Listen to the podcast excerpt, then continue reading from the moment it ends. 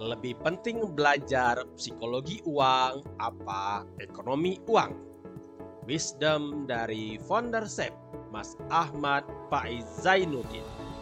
Sahabat, setiap Selasa adalah hari di mana saya berkantor di Jalan Panglima Polim, Jakarta dalam program video podcast SPI, Sahabat Pekerja Indonesia. Pagi itu, saya kedatangan tamu founder SEP, Spiritual Emotional Freedom Technique, Mas Ahmad Faiz Zainuddin. Dalam sesi ngobrol santai dengan beliau, saya menanyakan mengapa di waktu kuliah beliau berpindah dari Fakultas Ekonomi ke Fakultas Psikologi. Sebelum saya lanjutkan, silakan Anda subscribe Mr. Hari Solputra karena subscribe itu gratis, gratis, gratis. Kita lanjutkan. Awalnya, beliau ingin mengentaskan kemiskinan menjadi solusi bagi bangsa Indonesia. Ternyata persoalan kemiskinan bukan sekedar persoalan hitung-hitungan matematis NC, tetapi lebih kepada mentalitas orangnya. Makanya, akhirnya beliau menekuni dunia psikologi yang mengerucut pada satu pemahaman jelajah dunia pengembangan diri. Dalam perspektif motivasi keuangan, solusi keuangan itu berawal dari mindset keuangan yang akhirnya menjadi karakter keuangan seseorang. Jika kita ingin mengubah nasib keuangan kita hari ini, rubahlah mindsetnya terlebih dahulu. Paling tidak, ada tiga mindset solusi keuangan bisa kita pelajari dan kita praktekkan.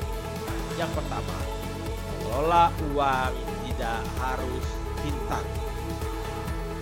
Sahabat, banyak orang yang pintar dalam mendatangkan uang, tetapi belum tentu pandai dalam mengelolanya.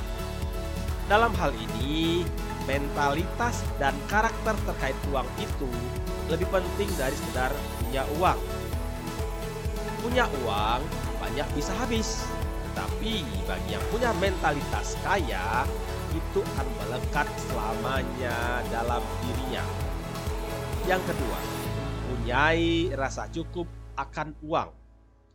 Mengelola uang itu bukan sekedar banyak atau sedikitnya, tetapi lapang atau sempit. Seorang yang memiliki abundance mentality, mentalitas keberlimpahan, tidak akan takut miskin walau diberikan harta maupun hartanya habis. Karena mentalitas inilah yang membedakan antara orang yang kelihatan kaya dan kaya beneran. Ini yang terakhir. Yang ketiga, mempertahankan kekayaan. Definisi kaya, well, adalah pendapatan yang disimpan.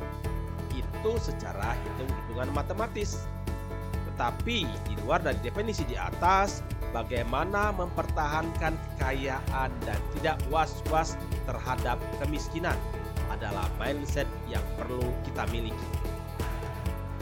Kunci dari mempertahankan kekayaan adalah hidup sederhana dan bisa mengelola rasa takut akan kemiskinan. Secara teknis, proteksi dan investasi serta distribusi adalah jalannya.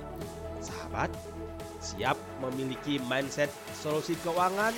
Saya, Hari Sol Putra, Managing Director Well Flow 19 Teknologi, founder DOI Daya Optimasi Institute, motivator keuangan Indonesia. Terima kasih sahabat sudah menyaksikan video dan audio ini.